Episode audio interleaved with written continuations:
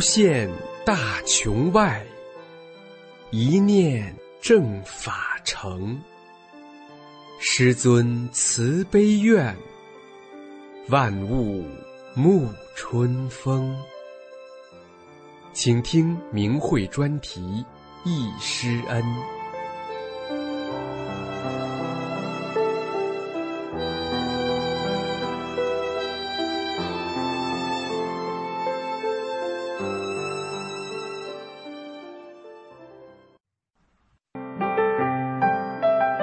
听庆祝五一三名会专稿，题目是《随师走过二十五年》，作者长春大法弟子。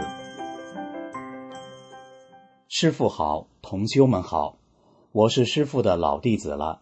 自一九九二年九月参加了师父在长春举办的法轮功第四期传授班，至今算来快二十五年了。第一部分得法之初。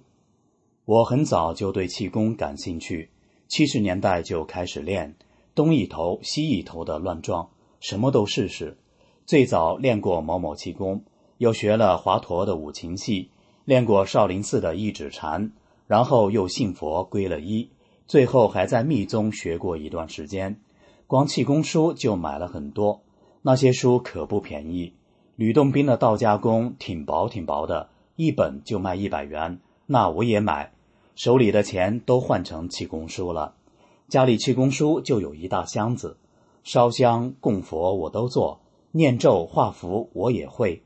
当年五十出头，身体很壮，大家都叫我某小伙，多少有了点功夫。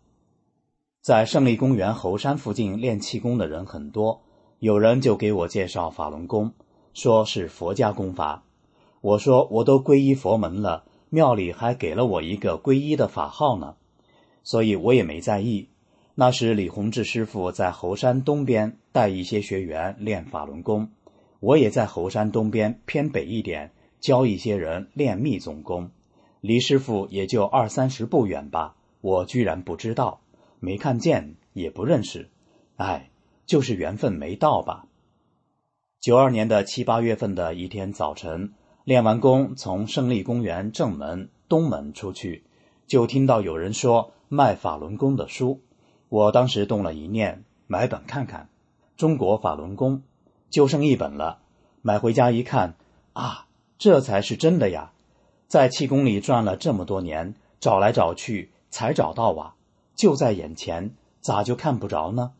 当时心就定下来了，不再领着人练密宗，一心练法轮功了。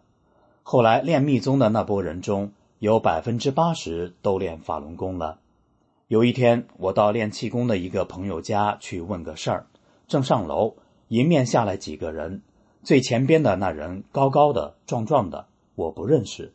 我停在楼道拐弯处让道的一瞬间，那人微笑着在我肩膀上拍了几下。我一愣，不认识啊，拍我肩膀。就在一错身的时候，我一下想起来了。这不就是中国法轮功书上那个照片上的人吗？那人身后就是我要找的朋友。我马上随着送行的几个人下了楼，看着那人上车走了。当时脑中一片空白，后来缓过神来，明白了，我是碰上了法轮功的师傅了，缘分就这么到了。不几天，也就是九二年的九月八日，就在胜利公园猴山的南面。仅一路之隔的省委礼堂，师傅举办了法轮功第四期传授班。当时师傅还是以气功的形式讲的。师傅先讲法，学员教功，然后师傅手把手的纠正学员的练功动作，一边纠正动作，一边给大家清理身体，一把一把的往下抓，往外甩。记不得那是第几天了，几个人护着一个挺大肚子的重病人上了台。那人是个女的，肚子里长了个大瘤子，像怀孕七八个月了似的。说是个挺有地位的人，国内国外的医院都治不了，没办法找到法轮功。我坐在礼堂的后排，就站起来看。只见师傅用手从上往下一挥，那人肚子一下就瘪了，裤子差点掉下来，连脓带血的顺着裤腿往下淌，流到地上一大片。全场的人一阵惊呼，一片掌声。师傅还让他在台上走了几步，然后工作人员清理台面上的那些脏东西。前边的人捂着鼻子说：“那味儿啊，那是我亲眼见到的。师傅就这么一挥手，打下去多少坏东西啊！太神了！我接触了这么多气功师，哪见过有这样功力的，了不得！”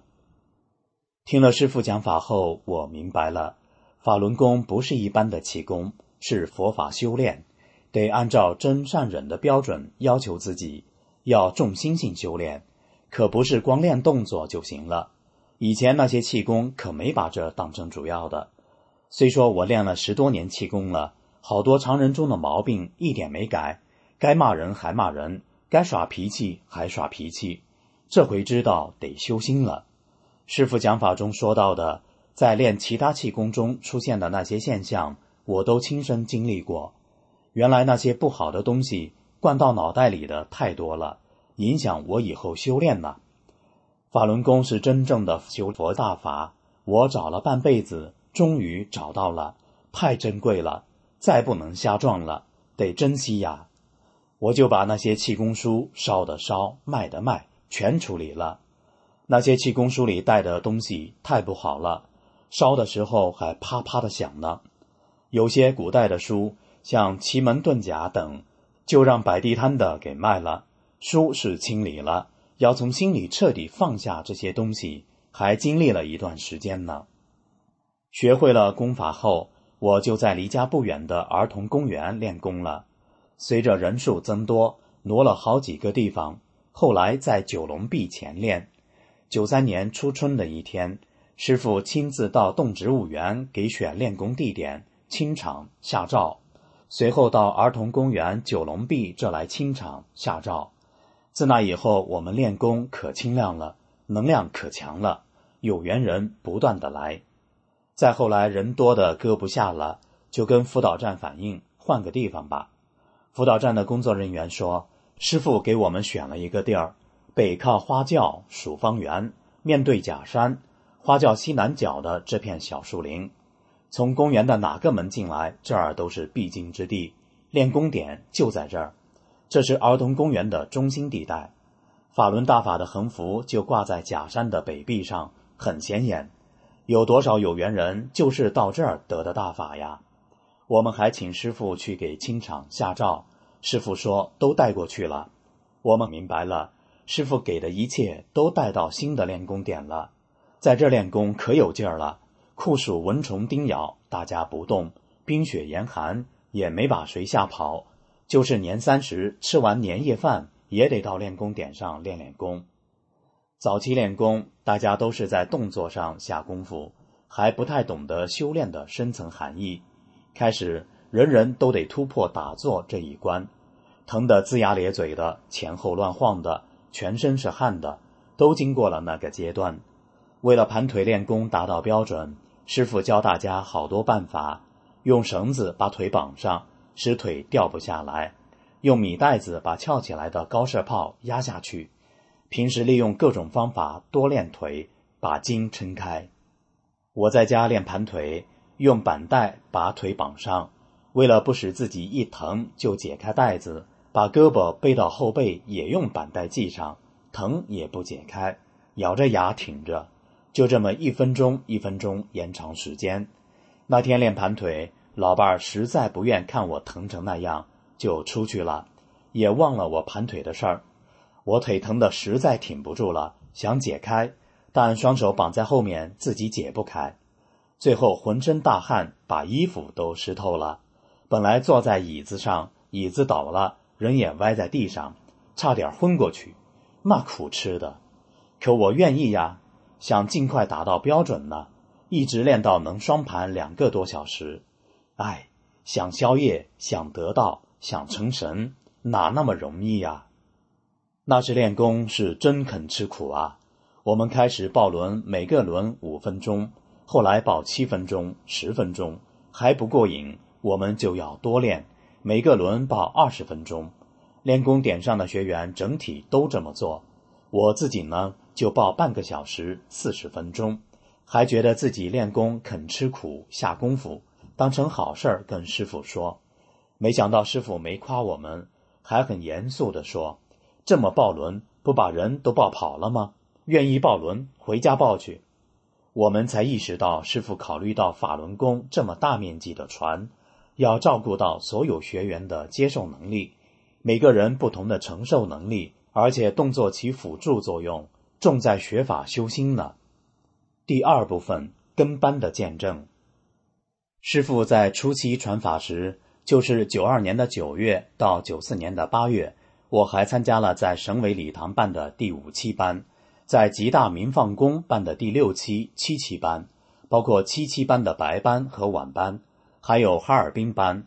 而这几期班，我都把门卖票、卖书和资料，跟班听法呀，一遍遍听，听不够的听，对法理的领悟越来越深，一次次过心性关都在其中，不知不觉在提高着。过程中亲眼见证大法的神奇。也亲身经历师傅传法度人的艰难。九四年五月长春第七期班时发生的奇迹可多了。我们儿童公园有位老学员，是师傅在粮油公司工作时的同事，得法修炼的早。师傅在转法轮中举的例子说：“我们上次在吉林大学办班时，有个学员从吉林大学正门出去，推个车子。”刚走到中间，两辆轿车一下子就把他夹在中间，眼看就要撞上了。可是他一点都没有害怕。我们往往遇到这种事情都不害怕，在那一瞬间车就停住了，没有出现问题。见转法轮，这就是七七班中白班讲法散场之后的事。他跟我们说，汽车没撞上他，他推着车子走到自行车道上，一回头。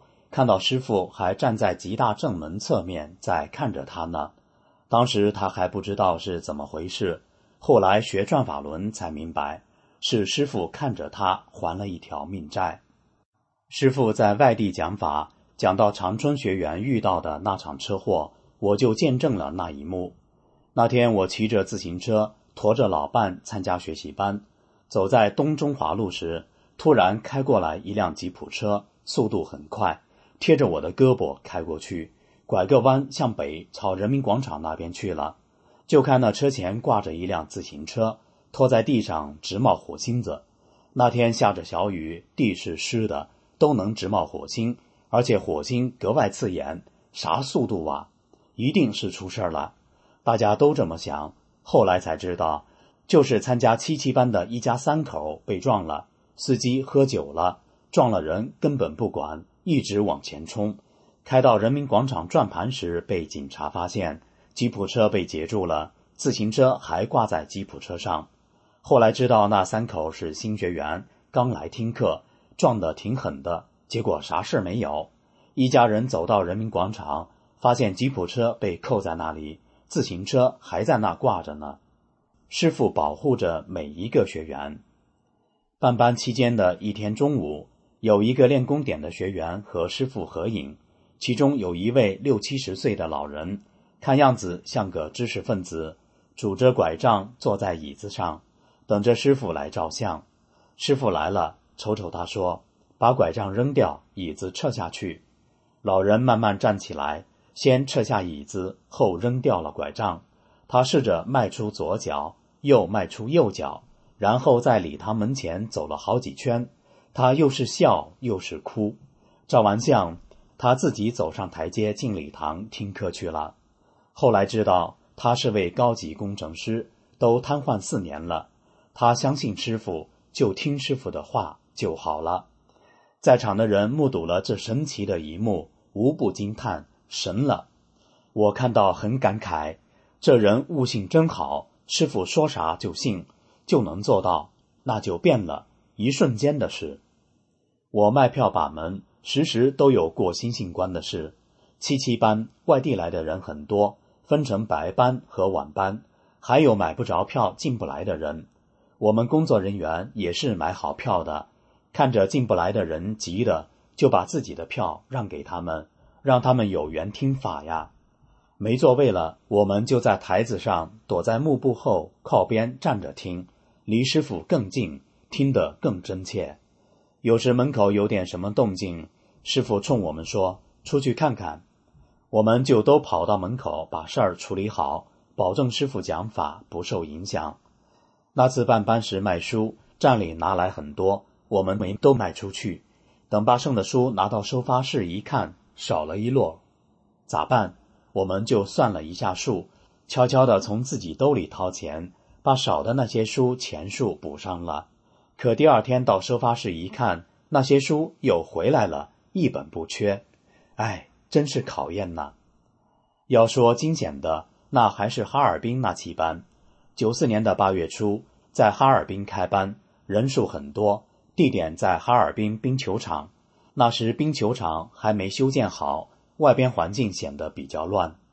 那次办班干扰特别大，师傅的眼睛充满了血丝，长春去的这些辅导员眼睛也都是红红的。师傅讲法时经常咳嗽，我们嗓子也冒烟，火烧火燎的疼。后来师傅讲了另外空间打下来不好的东西，就往师傅的嗓子这落，我们才明白。那些东西临死了还这么坏，还干坏事。当时学生放暑假，宿舍都空着。为了节省费用，当地气功研究会让外地来听课的都住在哈尔滨工大学生宿舍，师傅也住在这儿。可哈工大宿舍停水停电，他们说从来没有的事，我们就赶上了。喝的水可以买，生活用的呢？洗不了脸，冲不了厕所，又是大夏天。麻烦着呢，从宿舍到冰球场，每天都是大客车接送我们。有一天车走到半道还熄火了，我们辅导员就下车，一直把车推到冰球场。晚上听完课回来，一个寝室的学员在床上好一番折腾，然后从他身上下去一只黄皮子，就是黄鼠狼。大家一看，隔着玻璃窗，一只大黄鼠狼还趴在窗台上往里扑。大家知道这是师傅给学员清理身体打下去的坏东西，可他不死心，还想往学员身上上。大家出去把他打跑了。这次办班，我把大门记得是办班的第八天，四个男的抬着一副担架，担架上躺个病人，就要从我把的这个大门往里进，我们给拦住了，因为师傅讲了，重病人是不收的。法轮功是修炼，不是治病的。他们没进去，很不高兴。当天讲法结束后，我们跟师傅讲这件事。师傅说那个人已经死了，元神已经走了。没想到第二天，也就是最后一天，师傅讲完法散场时，他们抬着那个担架又来了，从过道直走向台前。我们几个随着师傅从后台下去，坐车走了。他们在厂里闹了一阵。后面离场的学员都看到了。后来听说这个病人是从辽宁锦州抬来的，是长春一个学员介绍来治病的。这个学员要求师傅给这个病人治病，师傅拒绝了。他拽下胸前戴的法轮章，摔在地上，威胁师傅说：“我不练了。”师傅严肃地说：“你不配。”他还愤愤的，最后一天就是抬着死人来闹事的。师傅说。在传法的过程中，也有不顺利的地方，方方面面的干扰也是很大的。见转法轮，这一句话听着简单，有多少人这儿和另外空间的正邪大战，只有师傅知道。再读红营，才体会师傅传法的艰难。师傅在红营苦度中说：“危难来前驾法传，亿万艰险重重拦。”师傅在《红营难中不乱》中说：“正法传难上加难，万魔拦险中有险。”我们知道的、经历的，也就是自己在人这儿看到的一小点点而已。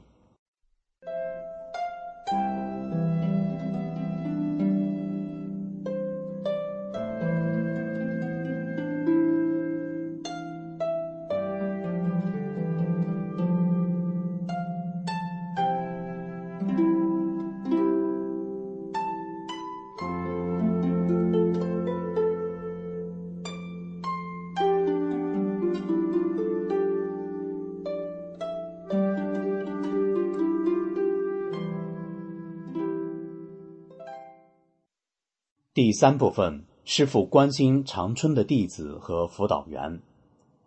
修炼两年了，对法的理解深多了，真正的从练气功上升到佛法修炼了。好多学员都是从佛教中走进来的，说那时佛经都背，这么好的法为什么不背呢？所以大家就开始背法，背的就是法轮功修订本心性修炼那一部分。互相交流中还谈背法的体会。一九九四年九月十八日，师傅从外地传法回来，在吉大理化教学楼礼堂为长春法轮大法辅导员讲法。我们练功点的辅导员就把大家背法的事跟师傅说了。最后，师傅直接提出来，就是我们能不能在我家乡带个头，组织一下？我们不能只是集体练功。我们能不能找个特定的时间，集体来学艺学法，逐章逐节的，大家念一念，讨论讨论，学习时间的安排像集体练功一样固定下来。我想这样更有好处，有针对性，这样对我们将来遇到实际问题就有法可依。我们开个头，在全国各地辅导站能起到一个很好的带头作用。见法轮大法一解。为长春法轮大法辅导员解法。自这以后，我们早上练完功，就在这小树林里集体学法背法。当时学的背的还是法轮功修订本，但大家对法的理解和领悟真是有了突飞猛进的变化，也更清楚认识到要把心性的提高放在首位。两个月后，也就是一九九四年十一月二十日。在吉大礼堂明放宫举行了长春大法弟子首届心得体会交流会，这是法轮功学员的首次集会。这次法会太殊胜了。十一月下旬，东北入冬了，可那天就那么晴，还暖和。在明放宫的外边，觉得四处都是光。我天幕没开，看不见啥。有些开了天幕的学员，看到宇宙中的神佛都来了，连树叶上都是。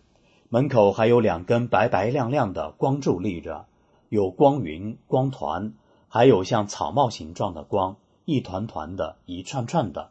随着学员陆续入场，就从我们的头顶上门楣的下边进了会场，还很有顺序，一个接一个的进去了。有个学员把这神奇殊胜的场景拍录了下来。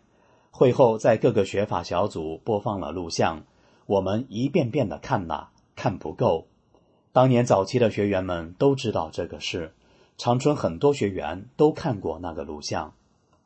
这件事，师傅在法轮大法一解广州对全国部分辅导站站长的讲法中说道：“长春搞了个录像，学员谈得非常生动，听课的学员也很激动，有的流了眼泪，因为会开得很生动，气氛也很好，大家也很高兴。”就像你刚才说的，在这个场上就差我本人不在，什么都不缺，就像我办班一样。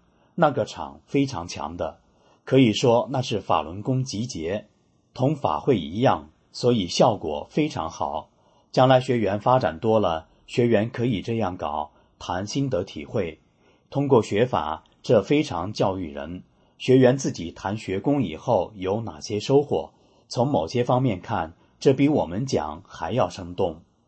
那时师傅传法才两年半，在这么短的时间内，修炼人在法上提高的太快了。十多个人发言，讲了五个多小时，我听着不住的流泪，激动啊！当时不知道宇宙中的神佛和我们一起听着，师傅和大法使我们改变着，改变着。九五年初，师傅的《转法轮》出版了。我们的任务是尽快把转法轮转到学员手里，大家能有法学。先是学员从北京往回捎书，我们去接站，捆好的一摞一摞的书挺沉，我一手拎一摞，显得很轻松，顺利的出了火车站的出口。其他学员拎时显得很重，就被拦下减重，超重了得罚款。大伙儿看我那么有劲儿，都管我叫某小伙儿。有一次。长春总站雇了一辆中型的厢货车，让我到大连拉转法轮。车从长春出发时就是阴天，雨好像就要下来一样。我什么也没想，一心就是赶快把转法轮拉回来，让学员好有法学。回来时雨就大了，司机开得很快，后面追上来一辆警车，说超速要罚款。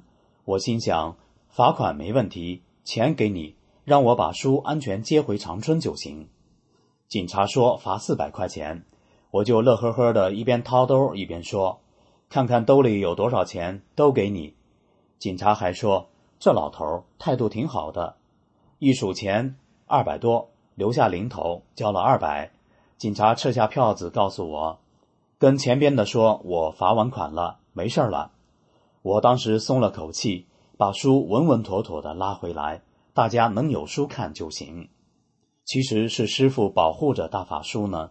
也在那前后，我从北京学员手里得到一盘师傅在广州讲法的录像带，辅导站就拿这盘带做母带，成批灌制，发到学员手里，拿着这个录像带去弘法。心里那个乐呀！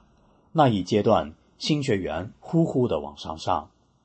转法轮出版后，师傅到国外传法去了，辅导员就组织大家学法练功。人心重啊，都放不下自己，矛盾就明朗化了。师傅不在身边，靠着学法修心，一点点解决矛盾，就是提高心性的机会。虽说都知道，但修起来还是挺难的。九七年夏天。是长春地区辅导员之间矛盾最尖锐的阶段，自己解决不了了，都盼着师傅回来诉诉苦、告告状，给解决解决矛盾。记得这次师傅从国外回来，在地质宫广场上接见了一部分辅导员。那天天阴沉沉的，下着小雨，师傅一来，雨就停了。看见师傅了，大家都抢着和师傅握手。我在后边，师傅走到后边。一把抓住我的手，紧紧的握着。师傅那手大大的、厚厚的、软软的，特别的热，电流一样顺着我的胳膊通遍全身，酥酥的。那一瞬间，我心里解不开的东西一下子全化掉了，想问的没了，那些不解呀、怨气呀，心里的各种不平衡都没了。也许大家都和我一样吧，谁也没提矛盾的事。好像一下什么都化解开了，大家乐呵呵的围着师傅听师傅讲法，又乐呵呵的跟师傅一起合影，大家都亲身感觉到师傅的无量慈悲、巨大能量和师傅的工作作风。在那前后，师傅发表了清醒、猛击一掌、再论衡量标准、定论、道法、放下常人心、坚持实修、曲中、环境。等经文，无论对辅导员还是对普通学员，都是重锤。精进要旨的目的，就是纠正我们整个修炼过程中普遍出现的问题，出现的不正确状态。师傅让我们读十遍，我们都很听话。这年的五一三是师傅传法五周年，长春市搞了一个大型书画展，是第二届了，在南岭运动场，好大好多个展厅。各式各样的作品都是学员自己创作的，太精致了。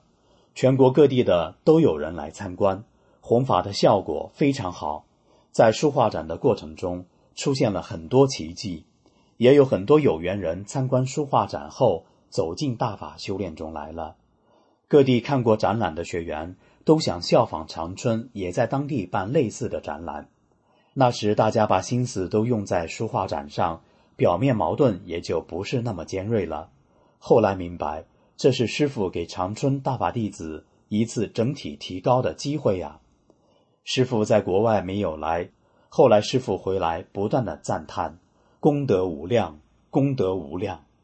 一年后吧，就是九八年七月末，我们接到通知，辅导员开会，正好上午有一位站长的儿子结婚，我到他家去。站长让我到儿童公园的花轿把订好的花篮取来。我到那一看，十多个最大型号的大花篮，立刻明白了，这不是婚礼用的，是师傅回来了。师傅到国外传法后，每次回国我都有预感。我把花篮装上车，参加完婚礼，随着辅导员们到了香格里拉。会议大厅还没布置完，那座位摆的跟扇面似的，花篮在一个个的往台上摆。我突然发现，台前的大桌子上铺了一块黑布。师傅来讲法，怎么能铺块黑布呢？我赶快找到负责布置会场的学员，说一定要铺黄布。他们才缓过神来，马上回去找来一块大黄绸子铺上了。整个会场气氛显得格外庄严。辅导员们只知道开辅导员会，一进会场明白了，师傅要来讲法，很多人开始擦眼泪。全省各地的辅导员有七百来人，聚在香格里拉的多功能厅，长春最现代的会议厅，都安安静静的等着师傅的到来。师傅讲法那天是九八年的七月二十六日，在这之前就是月初，发生了北京电视台事件。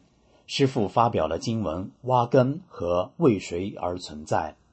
当时一些坏人利用宣传工具破坏大法，给大法造成很大损失。当时社会的氛围对大法很不利，每个人都感到一定的压力。讲法中，师父引领我们正确对待这些事情，并指出修炼的不足。师父给大家解答了很多问题。因为各学法点和个人情况都不一样，针对怎样学法，师父告诉我们通读之后又发表经文，融于法中。这次是迫害之前，师父在大陆的最后一次讲法。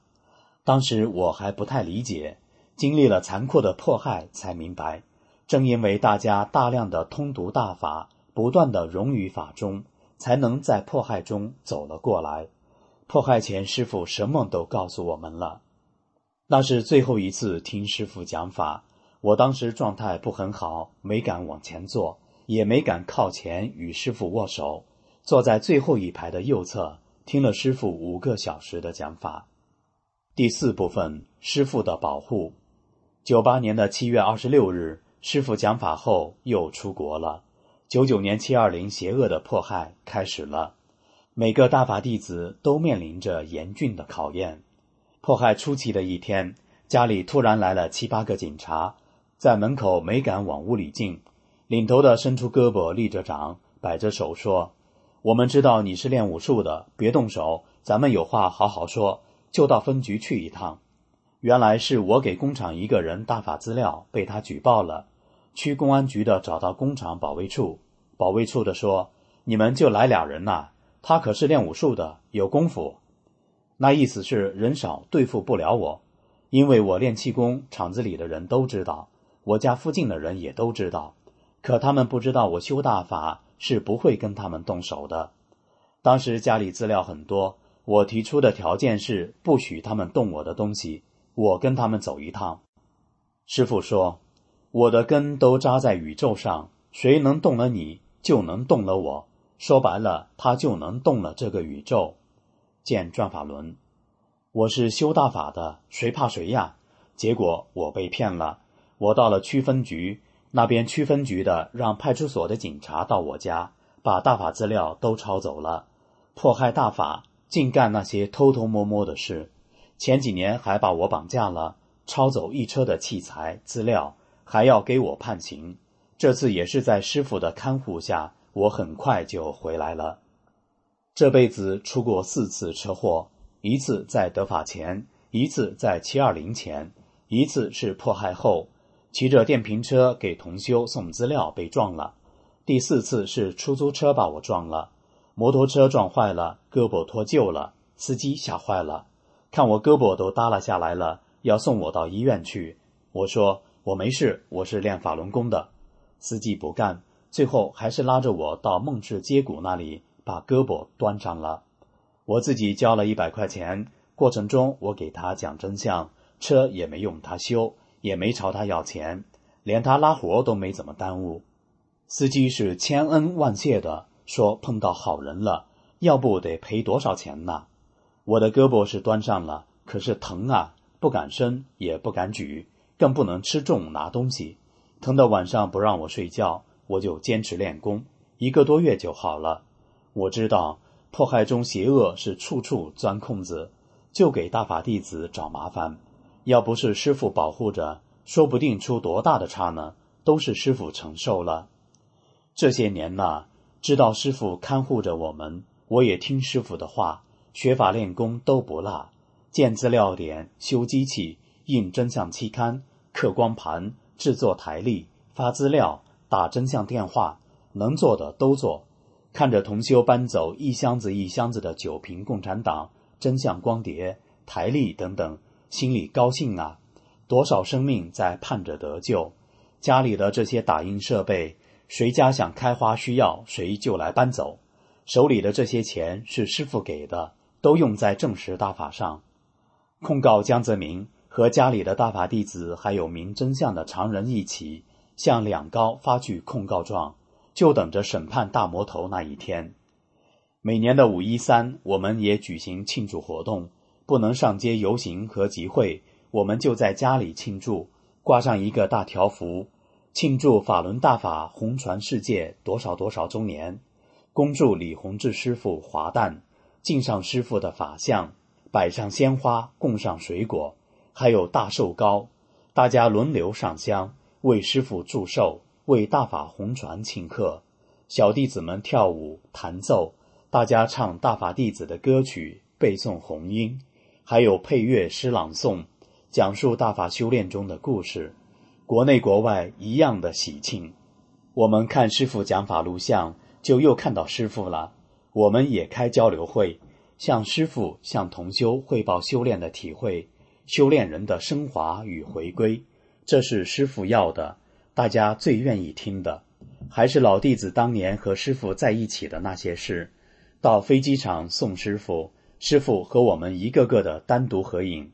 师傅在省委礼堂请我们吃饭，师傅点的菜那么丰盛好吃。多次见到师傅，师傅不断的讲啊讲法啊，我就像小学生似的恭恭敬敬的听啊，一幕幕太美好，太幸福，太珍贵了。大家也拍下了好多照片，那场中大大小小的法轮无数，落在每一个角落，在飞旋飞旋。大陆在残酷迫害的大环境下，我们的庆祝活动表达每个人对师父无尽的感恩，激发着大法弟子的正念，大家都不愿离去。结语：从最后一次听师傅讲法到现在。又快二十年了，二十年了，我再不是当年的某小伙了，都奔八十的人了。迫害中磕磕绊绊的走了过来，有师傅护着，心里踏实。想师傅，想见师傅，能跟师傅汇报的，就是做了师傅让做的事。想见师傅呢，就得出国，但长春这地儿我得守着，师傅的家乡，大法从这里传出。师傅说了：“长春长存，我得等着师傅回来。再想师傅，就看明慧，看神韵，看师傅讲法录像。那里有师傅讲法，有师傅的声音，师傅的形象，就像真见到师傅了。天天早晨给师傅上香，师傅就在这儿呢。我做得好呢，师傅就笑；我做的不好，师傅脸就沉着。”我不敢看，只有做好，只有快修，唯愿师尊笑。真快呀！师傅六十六岁大寿了，师傅传法传功二十五年了，我跟随师傅修炼快二十五年了，自豪高兴。有多少人有这缘分呢？我还跟着师傅走，走到最后，把该我做的都做了，该了的愿都了了。该兑现的都兑现，最后跟师傅回家。弟子跪拜师尊，为师尊祝寿。谢谢师尊，谢谢同修。